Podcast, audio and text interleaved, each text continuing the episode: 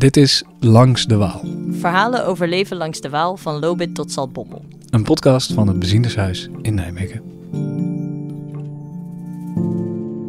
Nou, voor wie het nog niet wist, iedereen weet het. Maar het Bezienershuis staat in de Benedenstad. Gaan we niet, je zegt niet eens hoi tegen mij. Oh, sorry. is Hoi Dennis heel Gaans. raar. Ja, dat is on- ongewoon ook. Hoi Dennis. Hoi Josien. Hi. Het Bezienershuis staat in de Benedenstad, zoals ik net al zei. We vertellen vandaag het verhaal van twee eh, bewoners van die Benedenstad. Maar terwijl ik dat eigenlijk een beetje aan het uitzoeken was, dacht ik... Ik weet eigenlijk...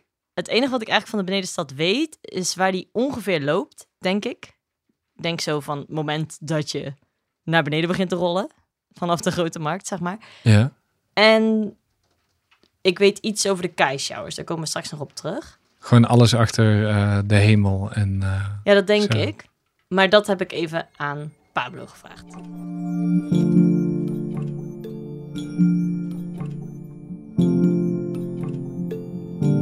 Ehm, Pablo, wat voor eh, wijk was dat eigenlijk, de Benedenstad? Want ik denk dat Nijmegenaren misschien daar wel een klein beetje een beeld bij hebben. Maar Ja, ehm, ik, ga, ik ga dat eventjes wat, wat uitgebreider vertellen. Ehm, dat is goed, want het is ook nogal een brede vraag. Even voor je idee, wat, wat is nou precies Benedenstad? Dat is echt het stuk tussen de twee eh, bruggen, tussen de Waalbrug en de Spoorbrug. Nou, aan de, aan de noordkant is het duidelijk met de Waal. En aan de zuidkant grenst het ehm, aan het centrum. En dan moet je eigenlijk de Burgstraat en de Lange Hezelstraat als En de Grote De- Markt. Ja, dus de, die, ja, da- daar valt het ook nog onder. Dat is eigenlijk eh, de benedenstad. Het is ook het oudste deel van, eh, van de stad. Wel logisch. ehm, aan de rivier gelegen, daardoor makkelijk toegankelijk. eh, ook makkelijk om te handelen vanaf dat punt. En anders dan dat je ehm, nu misschien zou denken, was het ook echt een heel welvarend gebied. Het was echt het rijkste deel eigenlijk van de stad Wanneer dan? tot aan eh, eind 19e eeuw. Ja. Maar je moet je ook voorstellen, toen was dat ongeveer ook de hele stad. Met Ja, een klein beetje centrum erbij. Ehm, maar eh, ja, die stad die zat eigenlijk eh, in de 19e eeuw barstte uit zijn voegen. Maar dat kon letterlijk niet, omdat het nog een vestingstad was. Eh, en de muren eromheen lagen. En je mocht ook niet buiten de vestingmuren bouwen, want dan had je geen goed zicht meer op een vijand. Dus toen eindelijk in 1880 eh, Nijmegen mocht uitbreiden, werden de wallen afgebroken. En dan zie je dat eigenlijk die rijke mensen heel erg uit dat benedenstadje, dat deel, eh, trekken. En die gaan in de, in de 19e eeuwse, eind 19e eeuwse uitbouw van Nijmegen wonen. Dus ehm, denk aan het begin van de Sint-Anna-straat, van de Groesbeekse weg, eh, een deel van Bottendaal. Nijmegen-Oost, Ja, waar ze nog steeds wonen. Ja, nou ja, maar dan dus echt nog dat eerste stuk. eh, echt het begin van de Bergendalse weg. Eh, daar, daar gingen inderdaad die rijke mensen wonen. En ehm, ja, dat is, dat is natuurlijk, dat zorgt voor dat, eh, dat de benedenstad een, een transformatie doormaakt. Wordt gewoon sociaal gezien een heel ander gebied. Eh, veel werkende mensen, echt een, meer een, volks, volkswijk eigenlijk. Ehm, en het verpaupert ook wel. Het, eh, het is er heel vol. ehm, mensen hebben weinig geld. Wordt niet goed onderhouden. De handel loopt ook eigenlijk steeds minder door het centrum. En een belangrijk punt daarbij is ook. eh, begin 20e eeuw is eigenlijk al, al een tijd lang het idee. er moet een, een brug komen. Niet alleen die, die spoorbrug, maar ook een brug voor. ehm, al het overige verkeer. Zodat ze, ja, dat je makkelijker naar het noorden kan gaan. En nou ja, dan hebben die benedenstad mensen eigenlijk het idee van, nou ja, als dat dan zo is, dan moet die brug wel echt vanuit ons komen. Dus ofwel vanuit ehm verlengde van de grote straat of eh, vanuit de nieuwe markt. Dat zou dus eigenlijk heel dicht bij de spoorbrug zijn geweest. Eh, zodat we in ieder geval dan wel die, die handel allemaal nog langs ons gaat. Maar waar wordt nou uiteindelijk voor gekozen? Voor de, de Belvedere-brug eigenlijk. Zo wordt het vaak genoemd. Zoals het nu Ja, de Waalbrug dus- is eigenlijk. Ja, dat komt echt, echt vanuit oostelijk nog vanuit eh, het Valkhof. eh, Waar de rijke mensen waren dan. ja, het was eigenlijk veel makkelijker met de grote de straten die al waren aangelegd om het centrum van Nijmegen. Ja, die kon je eigenlijk gewoon doortrekken met een brug daar. Eh, bovendien was het ook fysiek makkelijker, omdat ja, daar was al hoger gelegen gebied. En dat vonden ze denk ik niet zo leuk in de benedenstad. Nee, dus eh, ik heb ook eh, een eh, paar stukjes gezien waar in de, in de Gelderlander een discussie over bestaat. Dat is echt, eh, dat was wel een, een ding. Zelfs, zelfs buiten Nijmegen. Dat waren grote projecten waar het Rijk ook veel geld in stak. Ja, benedenstad niet blij. Het geeft eigenlijk nog meer aan weer van mindere belang dat er eigenlijk vanuit die benedenstad uitgaat. Het is, eh, nou, die handel wordt daar ook weer niet gestimuleerd. Ehm, nou ja, dan komt er ook nog een bombardement overheen. Dan moet ik zeggen dat, dat de benedenstad nog redelijk gespaard bleef. Eh, maar ook daar veel, eh, toch wel wat gebouwen kapot.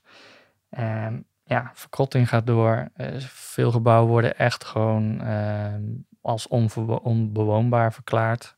Sommige worden ook al afgebroken. Dus nog los van het feit dat Nijmegen geen historisch centrum heeft vanwege de bombardementen, is er gewoon ook daarna heel veel gesloopt. Ja, kijk, als je puur naar eh benedenstad kijkt, eh, bijvoorbeeld de hele grote straat was gewoon nog eh, intact eigenlijk. En wat je nu ziet is allemaal daarna, dus, dus na de sloop, na de oorlog, weer opnieuw opgebouwd. Die kleine huisjes. Eigenlijk. Ja.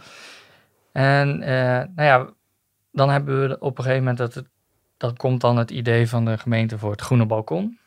Ah, En- Daar is die weer. ja, groene balkon moet eh, alles oplossen. Het wordt modern, groen. eh, Balkon. Balkon wordt het ook. Geen eh, kleine middeleeuwse straatjes meer. Het, eh, dat moet allemaal weg. En dan neemt eigenlijk de benedenstad het eh, heft een beetje in eigen handen. En ze krijgen ook iets voor elkaar, het buurtcomité benedenstad. Want zij weten dat sloopbeleid, eh, nou ja, dat weten ze niet te stoppen. Het, het wordt wel gesloopt, maar de, ze weten wel voor elkaar te krijgen dat er ook weer woningen komen. En dat er ook betaalbare woningen komen. Sociale woningen. Dus eigenlijk de bewoners die er woonden, ehm, die konden er weer terug gaan wonen eigenlijk. Dus ja, dat kun je, dat is, moet je nu maar eens voorstellen dat, eh, dat er een wijk op een prominente plek gesloopt wordt en dat er gewoon betaalbare woningen worden gebouwd. Ja, dus dat is, dat is wel bijzonder. En daarmee is ook het ehm, karakter van de benedenstad wel een beetje bewaard gebleven. Want ehm, hoewel nieuwe woningen was het oude stratenplan er ook nog steeds. En, en veel van dezelfde mensen bleven er wonen. Dus Het is wel echt een gemeenschap dus. ja, en eh, ik geloof dat het ook eh, prijs heeft gewonnen in Europa voor, eh, voor wederopbouw. Ik, bedoel, ik denk niet dat veel mensen erbij bij stilstaan, toch dat dat echt als een geslaagd project wordt gezien, Ja. die, eh, die benedenstad. Ja, de straat waar het benzinershuis nu staat, dat toen ook al stond, want het is een heel oud gebouw, zoals we weten. dat is de Steenstraat. En die zag er in de tijd dat Albert Vergeer daar woonde nog heel anders uit. Namelijk, hij was niet van steen. Jawel, eh, maar het was veel levendiger. Mensen zagen, maar is goed horen, uit, uit mijn jeugd was er geen televisie. En al die dingen, dat had je allemaal niet. Dat kwam later aan pas. En wat Eh, deed je dan zo s'avonds? Ja, nou, wij, wij hier eh, veel voetballen tegen die schippers. Eh, wij schuupten veel in de zomerdag in de ooi.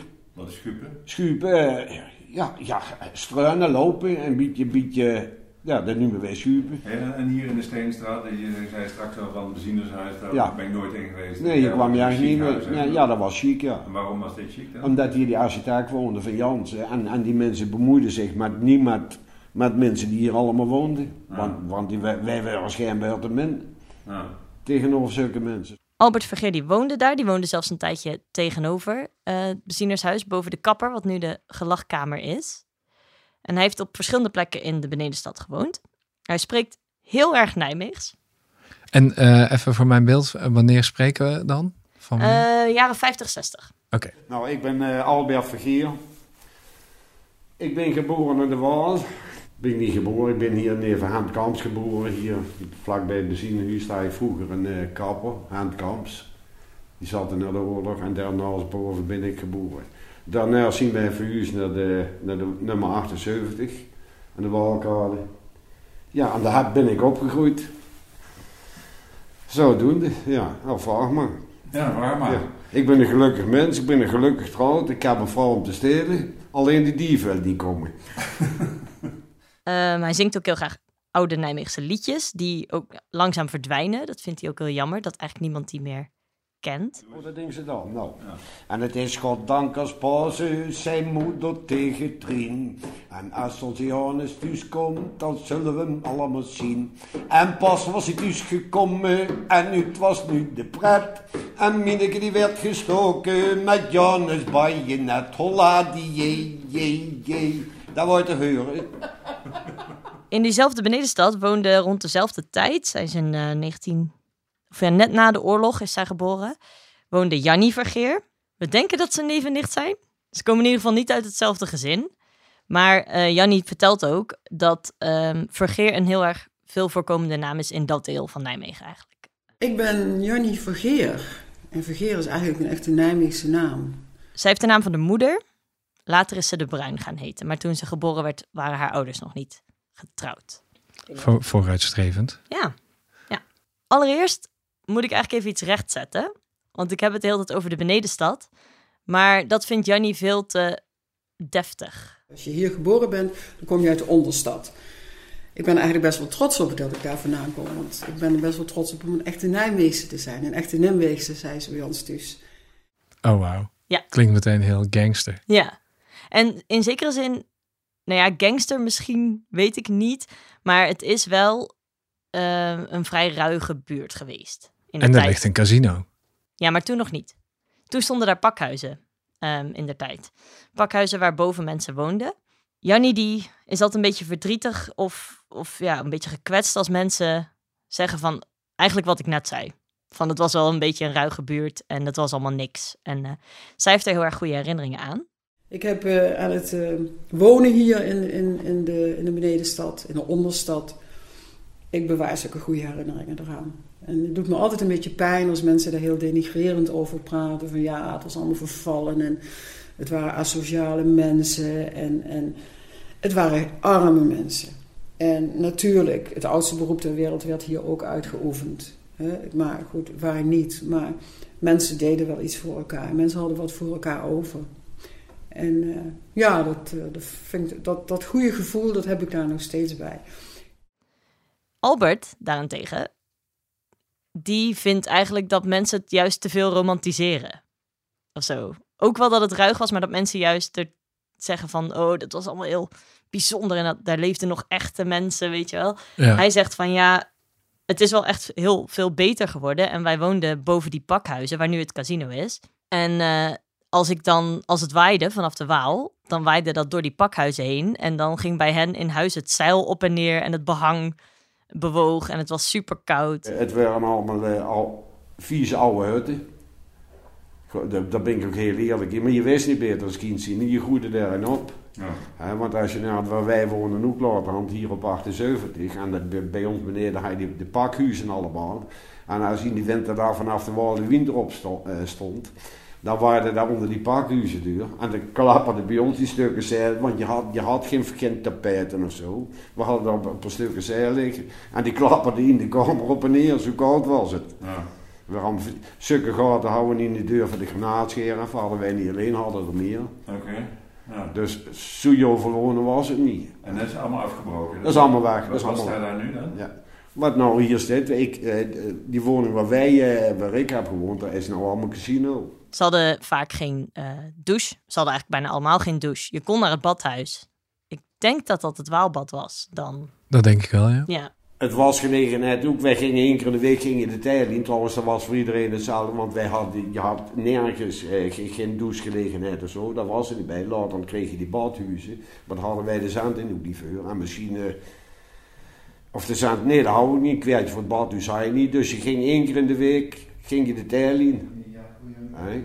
En als er nog een hele grote huishouden werd, dan werd dat, dat, eh, vaak dat water in die tijd werd een keer ververs, want er zat op een gegeven moment zo'n dikke kum op.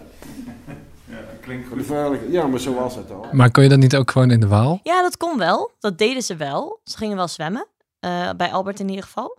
Ehm, Ja. Bij Jannie, die woonde ehm, op het Ottegas. Die woonde samen met haar vader, moeder en oma. En op een zeker punt ook haar oom.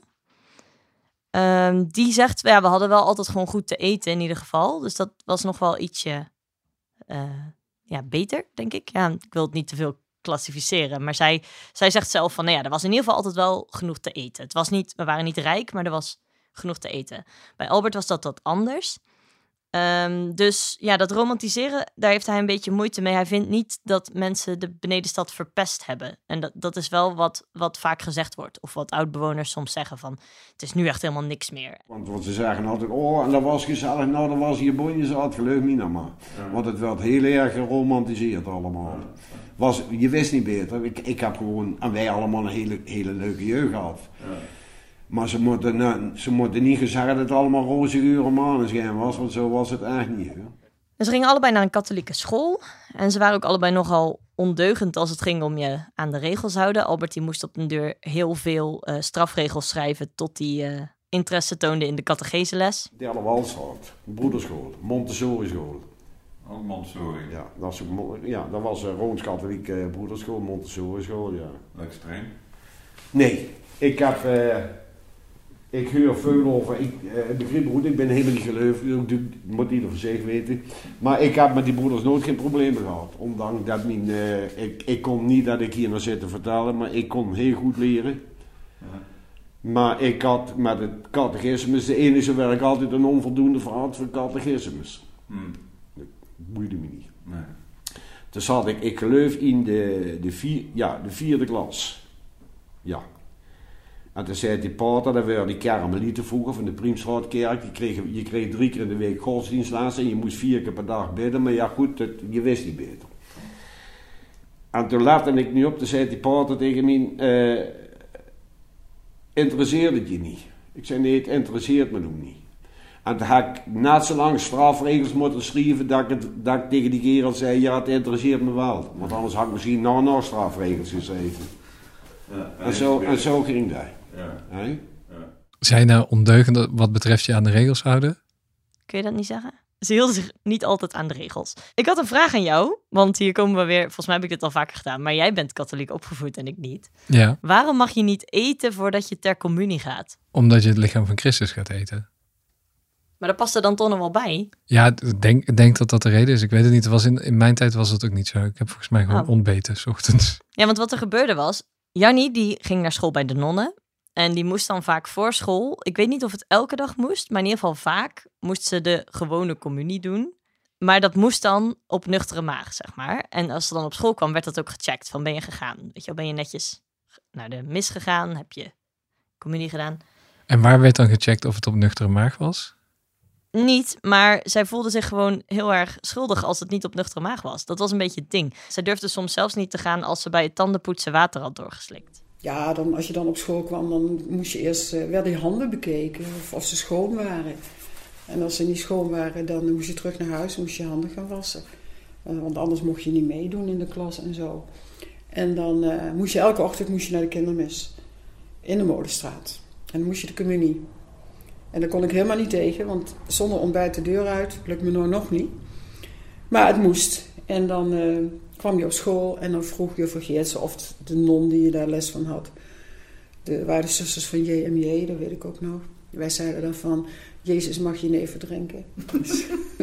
Heel ondeugend. ja, dat doe je hè, als je kind bent. En eh, nou, dan werd er eerst gevraagd, wie is er naar de kindermis geweest? Nou, dan stak je je vinger op. En wie is er de communie gegaan? En dan stak je ook je vinger op. En dan je stempelkaart, kreeg je stempeltje op. En als het stempelkaart vol was, dan kreeg je een plaatje. En dan nam je dan helemaal trots mee naar huis. Maar je was ook wel eens niet de communie geweest, omdat het gewoon niet lukte. Want als je je tanden gepoetst had en je had ongeluk water doorgeslikt... Oh, dan deed je een doodzonde. Als je dan de communie ging, dat was verschrikkelijk. Dan lag je echt wakker van, hoor. En eh, dus dan stak je toch maar je vinger op. Nou, dan werd je gelijk. Zeiden de andere kindjes in de klas... Ah, dat is helemaal niet waar. Je bent helemaal niet de communie geweest. En nou, kreeg je straf. Moest je in de hoeken staan, want had je gejokt. Ja, ze was zeg maar banger voor God dan voor de nonnen. Dat, ja, zeker. Ehm, en hoe stel jij je voor? We hebben het eigenlijk hier dus in de vorige aflevering al een klein beetje over gehad. Eh, die ging natuurlijk over, ja, vertier. Eh, hoe stel jij je voor dat zij als kinderen hun tijd doorbrachten? Nog los van wat we van vorige keer al weten met het Waalbad. Ja, dit is de jaren 50, 60 dan. Ja, ja, ja. Hebben ze dan ook van die tollen die je met zo'n zweepje slaat? Ongetwijfeld, maar daar gaat het niet over. Maar- oh, ehm, zeg maar, los van zwemmen en sleeën dus. Oh, Eh, sleeën heb ik... eh, ja, die hebben we vorige keer ook eh, gehad. Hè? Ja, dat sleeën was een groot ding. Oké. Dat, dat noemen ze allebei. Ja, dat, dat, dat vergeet je nooit meer. En het spelen hier, de Waalkade was smaller in mijn herinnering. En er stonden al die spullen die hier gelost werden, die, die stonden onder grote dekzeilen. En daar speelden we op. En daar speelden we verstoppertje achter. En als het gesneeuwd had, de Lindenberg af. Hè? Oh, dat was geweldig. Hè? Dan stijl naar beneden. Dan zat er in het midden zo'n de putdeksel, dat was een beetje hoger. En daar ging je af. Ik op mijn buik, op een sleetje. Maar ook met een man en met een lange ladder. En dan stond of mijn vader of mijn oom, die stond onderaan de Lindenberg om je op te vangen. Want ze waren als ze dood, dat je te hard ging en dat je dus het water in dook. Eh, het simpel iets, eh, wij werden van die opgeschoten jongen die sleetje hier op de Lindenberg. Een slee had je niet, die die je ergens in elkaar spiekeren, maar dan ga je op de Lindenberg als je gewoon de put zitten. En eh, ik weet nog goed, een oude kameraad van mij, Piet Bouwman, de clipper, die had ook een slee getimmerd. En de eerste en beste keer dat de Lindenberg afging en ik kwam op de put, toen klapte die slee in elkaar. Je weer niks. Ze ging ook met een ladder, met een traplier, met, met een span. Eh Jannie die woonde op het Ottegas. En daar kun je heel goed verstoppertje spelen. Daar vertelt ze heel levendig over. En ze is ook wel eens als volwassene nog eens een keer achter die eh, beuken, zoals ze dat noemt, gaan staan. Om te kijken hoe dat ook alweer voelde. Ja, spelen in de benedenstad, één groot feest. Eh, de Ottegas, waar, waar kun je leuker verstoppertjes spelen dan in de Ottegas? Met al die, die steunberen. En ik moet je eerder bekennen, toen ik vorig jaar een keer naar beneden liep, hier naartoe. Toen ben ik, ik was alleen, ik had even de tijd. En toen ben ik achter die steunberen gaan staan. Zo van, oh ja, zo was het. Geweldig, ja, helemaal geweldig. En ehm, Albert voetbalde met de schippers. Ah. Maar dan weer- werden die pleinen vrij, dan hadden wij de voetbalvelden. Daar had Kees Kollenbein, eh, die zat daar met die, met die machinehanden, met die loods. Die had voor ons nog een koolpalen gemaakt. En dat deden we of wij zwemmen, voetballen tegen de schippers. Maar nou op een zwemmen terug te komen. Wij deden tussen de zwembok aan en dan staken we het pleintje over en dan waren we in de vluchthaven. En dan leerden we elkaar zwemmen. Ja. Want, want eh, diploma zwemmen hadden wij nog nooit van gehoord trouwens. Daar had je ook niet geen, geen schoolzwemmen of zo. Nee. Helemaal niks. En zo ging dat. En dan kwam kreeg op een moment kreeg de politie, want dat mocht je niet, want je mocht niet in de wal zwemmen. En er, en er zat de politie, die kwam dan en die wou ons, dan, die wou ons graag eventjes eh, wegjagen. Maar dat ging niet, want dan staken wij gewoon het, de, de vluchthaven over op de lange krip. Nou, eer dat die politie rond was en over die lange krip, zwommen wij weer terug. Dus. En later zat hij ook bij een voetbalclub Spartanië. Eh, dat was een voetbalclub van de benedenstad. Oké. Daarover later nog iets meer, want ehm, dat was nogal een bijzondere voetbalclub. Deze aflevering zit vol teasers. Ja, sorry. Nee, ja, het is leuk. en Het is ook onze laatste. Ja, dat is waar. En daarna ging Albert eigenlijk al heel jong aan het werk. Het was niet gemakkelijk met 14 jaar om aan het werk te komen, want toen was hij al klaar eigenlijk. Toen heeft hij verschillende fabrieken gewerkt. En daar, het geld dat hij daarmee verdiende ging naar zijn familie. Ehm, hij kreeg dan elke week wat hij noemt een loontuutje. Ik weet niet wat dat betekent. Een zakje. Oh. Oh, net als in Duits. Ja, Dat is een tute. ja en in Limburgs. Een Een tuutje. Oh ja, oh ja. Oké. Nou, kreeg hij. En dat bracht hij dan naar zijn moeder. En vanaf dat punt werd het ook iets beter. Hadden ze gewoon wat meer te besteden. Zijn broer werkte, hij werkte. Hij kreeg dan wel zakgeld. En zijn moeder kocht dan een baal check. Die snee ze door de helft. En dan kreeg zijn broer de helft en hij de helft. Ja, en, als, en, en ja, je, je kon een, fles, een flesje drinken of, of een ijsje. Ja. En eh, een pakje Jack, dat deed mijn moeder dan kopen voor ons, maar dat deed ze met mijn broer de, de, eh, delen. Allebei een half pakje Jack. Snee ze deur, allebei een half pakje Jack. En zo, Dus ja. dan pak je snel gewoon in de midden. Ja, met maas, en dan zaten ze het maas op de werd dat deur gesneden, een half, allebei een half pakje En je bent je hele leven blijven roken. Ik rook nog, ja. Ja. ja. En ik schrijf ook die mute ook. Er zat wat meer lucht in, zou ik zeggen. Vanaf dat punt.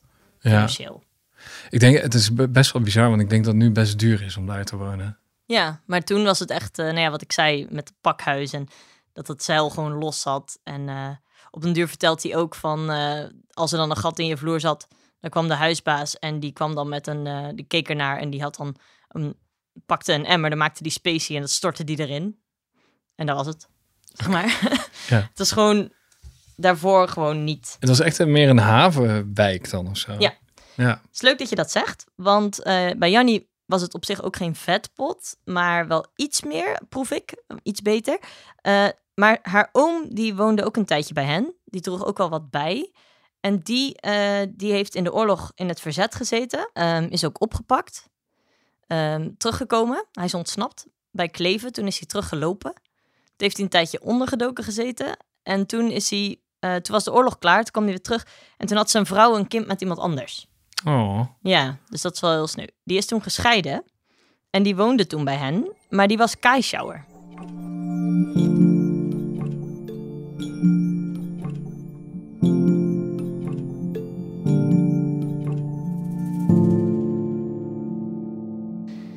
Wat waren kaaishouwers en waarom zijn die zo belangrijk? Ja, nou, een kaaisshower, ehm, heel kort gezegd, is gewoon een, een havenarbeider. En in, en in dit geval specifiek om lading te lossen. Nou, ja, dat, dat was een fenomeen dat niet alleen in Nijmegen voorkwam. Ehm, vooral in Rotterdam is, daar ook, eh, is dat een heel bekend fenomeen. Het is wel zo dat eh, al die spullen in Nijmegen natuurlijk de bult op moesten worden ge- Ja. ge- getild. Dus het waren al sowieso hele zware eh, lasten. En die moest ook nog eens omhoog worden getild. Dus ja, het zijn eh, mannen, eigenlijk alleen mannen, die zeer zwaar fysiek werk moeten leveren. En eh, vaak ook nog eens heel snel. Want als zo'n boot binnenkwam, dan begonnen ze te betalen voor lichtgeld. Dus die willen natuurlijk zo snel mogelijk van hun waar af. Dus dat eh, wordt verdeeld onder de, de, de die aanwezig zijn. En die moeten zo snel mogelijk eh, zo'n boot uitladen. En dan is het eh, alle hens aan dek. Maar wat ik jou hoor zeggen is dat eigenlijk onze kaaishouwers beter waren dan die van Rotterdam, toch? Nee, dat hoorde je me niet zeggen. Oh, ja, ik dacht Ze, ergens... moesten wel een specifiek zwaar eh, klus doen. Ik bedoel, dat, dat was er hier dan anders aan. Maar De kaaishouwers in Rotterdam, die zouden hier komen, die zouden helemaal niet redden. Nee, ik vind dat jij eh, voorzichtig bent. ja, en, en, maar dus, dus in die zin belangrijk werk. Want ja, die goederen, die, eh, dat waren vaak ook nog eens luxe goederen. eh, voor de mensen in bovenstad. En eh, dat moest dus allemaal omhoog getakeld worden. En ze kregen daar niet per se goed voor betaald. Zeg Nee. maar gewoon vooral heel slecht. Ehm, en er kwam ook nog eens bij dat dat vaak grote gezinnen waren. waar alcoholisme ook een groot probleem was. Nou ja, dan, eh, dan, dan zie je al, dat is, dat is wel een, een tragisch figuur. Want zij woonden dan vaak ook in de benedenstad. Ja, ze wonen vaak in de benedenstad. Ja.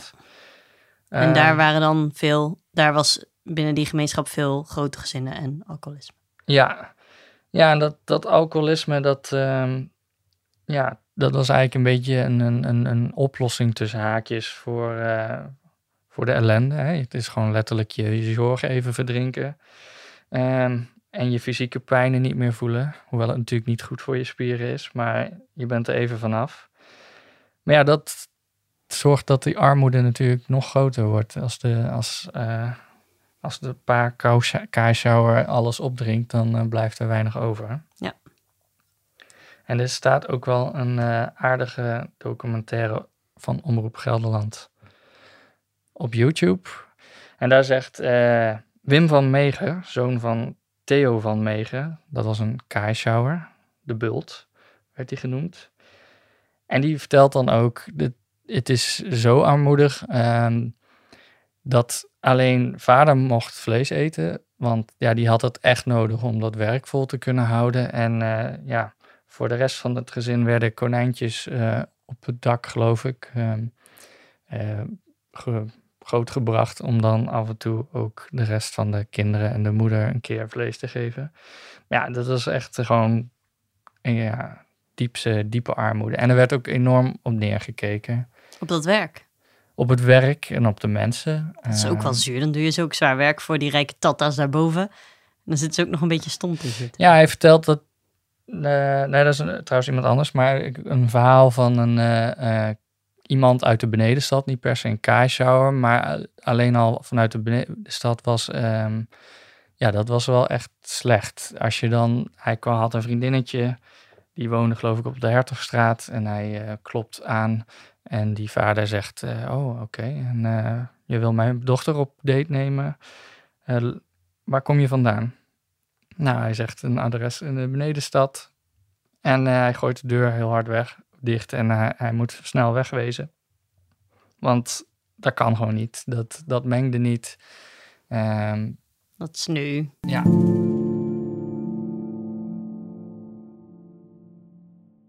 Eh, mijn oom was Kaaischouwer, mijn oom Stef. Eh, toen hij terugkwam van de Tweede Wereldoorlog. eh, ik ben dus van net 45 en toen hij terugkwam en toen hij ondergedoken had gezeten en de oorlog voorbij was.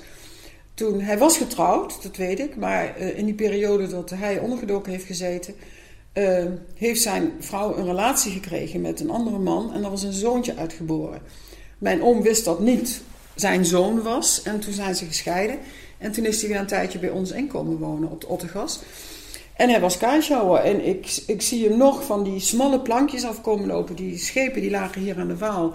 Met die ruimen helemaal open. Dat kan ik me nog herinneren. En waar, voornamelijk waren dat eh, eh, boten die, eh, eh, die, die, die Rijnaken die gesleept werden. Dat weet ik nog heel goed. Van die kleine sleepbootjes ervoor.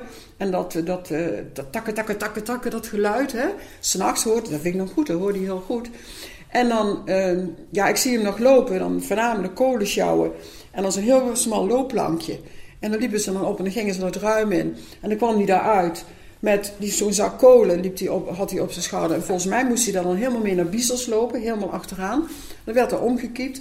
En dan kwam hij tussen de middag kwam hij dan, eh, kwam hij thuis om te eten. Ja, helemaal zwart. En zelfs toen wij in Nijmegen-Oost woonden, heeft hij dat nog gedaan, weet ik. En eh, ja, ik weet ook dat hij twee keer iemand uit de Waal gered heeft. Die in het water gevangen was, e- gevallen was. Eén keer een kind, weet ik. Dat hij helemaal nat thuis kwam. En eh, eigenlijk een hele rare tijd. En eh, dat hij een kind uit het water gehaald had. En ook een keer een volwassene. En nu, terugkijkend, denk je van... Ja, die man heeft levens gered. Er is die A nooit voor eh, gehuldigd of wat dan ook. Maar ook nooit begeleiding gehad daarna. Maar goed, het heeft hem geen kwaad gedaan. Want het was gewoon een fantastische, lieve man. Maar het was heel hard werken. Het was ontzettend hard werken. Jannie verhuisde uiteindelijk naar Nijmegen-Oost. Ehm, Albert bleef wat langer hangen. En die kende ook de kroegen heel goed. En dat is nog één ding dat ik even wil aanstippen. Want ik had het net over de voetbalclub, Spartanië. Ja. Dat wilde ik even bewaren, want dat is zo'n goed verhaal. Ehm, daar zat een clubhuis bij. En dat was van Tinus Valet of Tinus Verlet. Hier kan ik zijn Nijmeegse accent even niet verstaan. En ik kon het ook niet vinden. Verlet of Valet of Vullet. En die man die noemde ze Kuip met dermen. Wat maak je daarvan? Kuip met dermen. Eh kuip. Kuip. Een eh, kuip, Ja, als, in- als in badkuip, ja, met darmen. ja. Hij had schijnbaar een hele grote ronde buik. En dat was zijn kuip met dermen. En dat was die arme man zijn bijnaam. Ik vind het echt heel sneu. Maar Spartanië, die had dus ook dan voetballiedjes. En daar zingen ze ook over die arme Tinus met zijn kuip met dermen. Oh. Natuurlijk heb ik daar tape van. Spartanen was voetbalclub. En waar zat dat? Die zat eh, hier in de benedenstad. Daar ook het eh, clubhuis van. Maar eh, dat, dat ga ik eerst even een stukje van tevoren vertellen. Het clubhuis was eh, bij Tinus vandaan. En Tinus had de bijnaam de dermen. De? De. Een kuip, een vat met dermen. Ja, die Bijnaam. had zo'n buk. Dermen. En dan had je een liedje, dat was het clublied van Spartania. Dat was er hiep, hiep, hiep, hiep, hoera niet lachen. Leven Spartania, dat klinkt zo magnifiek voor het publiek. En dan gaan we hossen met de boerenklossen. Lang leven de burgerpet, al steken de haren erdoor. Zulke dingen hadden ze. En dan hadden ze ook nog aan de kuip met dermen, dat was dan Tinus. En de kuip met dermen, en die frit van de ermen. Ehm, maar die voetbalclub die heeft het niet gered. Want eh, het ging nog alles mis. Er werd heel veel gevochten. In die tijd dat het eh, opgeheven werd. Waarom liepen ze? Omdat ze op een gegeven moment eh, met, met voetbalwedstrijden werd er nog wel eens geknokt. En toen, wa- toen kwam het op een gegeven moment zover. En ik meen dat dat een platte Peter was, Piet Peters. Die sloeg toen een, eh een priemerip voor, zijn murf, voor zijn smoel. En toen was het gebeurd. En het was de overmetspartij, ja. En toen werd het OMVV. En daar zat in de richting van de Bijenstraat. OMVV. Maar ze hebben allebei nog heel warme herinneringen aan de Benedenstad. En Jannie, die is ook nog wel eh, teruggegaan. Die hebben een eh, reunie gehouden op een duur met bewoners. Waar ze dus ook al die liedjes nog hebben gezongen. En ik weet nog dat we in die periode ook, eh, ja, toen was ik zelfs al getrouwd, hebben we een keer een reunie gehad met alle oude inwoners van de Benedenstad.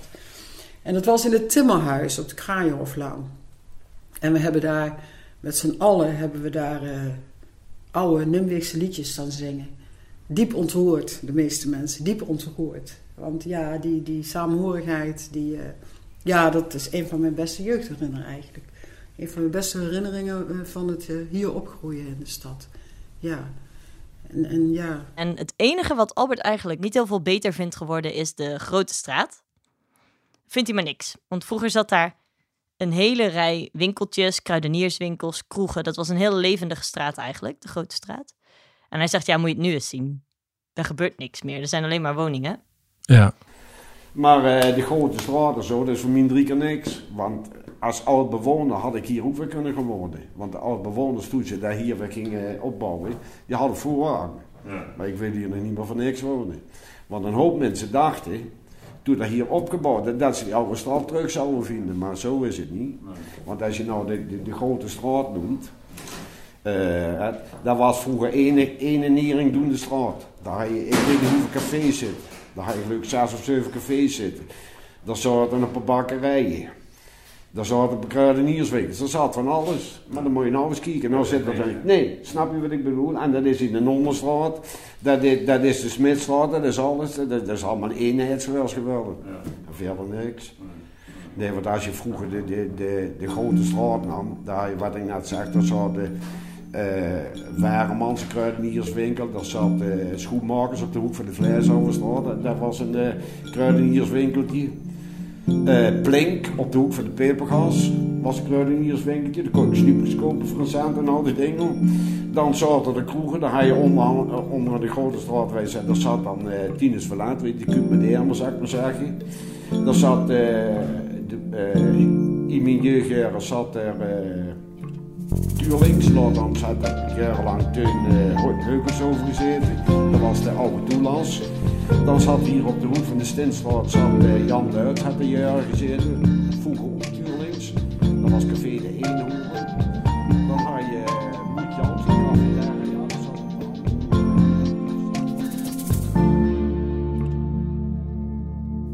Nog even, dit, uh, dit was de laatste. De ja. laatste langs de Waal. Voorlopig zou ik willen zeggen, maar we weten het niet. Ja, er zijn namelijk nog veel meer verhalen. Ja. Die verhalen kun je vinden waar? De site van het Bezienershuis onder Verhalenbank. En uh, we, we, hebben deze serie natuurlijk uh, niet alleen gemaakt, we hadden heel veel hulp. Mhm. En uh, we moeten even wat mensen bedanken. Ja. We beginnen bij Jan Wieger van den Berg? Ja, de kersten. Corrie Kuis. David Tonnaar. En onze uh, researcher extraordinair en uh, binnenkort soapschrijver, ja. Pablo van den Boogaard. Mocht je nou zelf een verhaal hebben, dan kun je het Bezienershuis benaderen, want het, de verhalenbank is een levend document, dus er kan altijd nog iets bij. Of je kunt op de link in de show notes klikken en dan kun je ons een voicebericht van een minuut sturen en dan uh, komen wij bij je terug.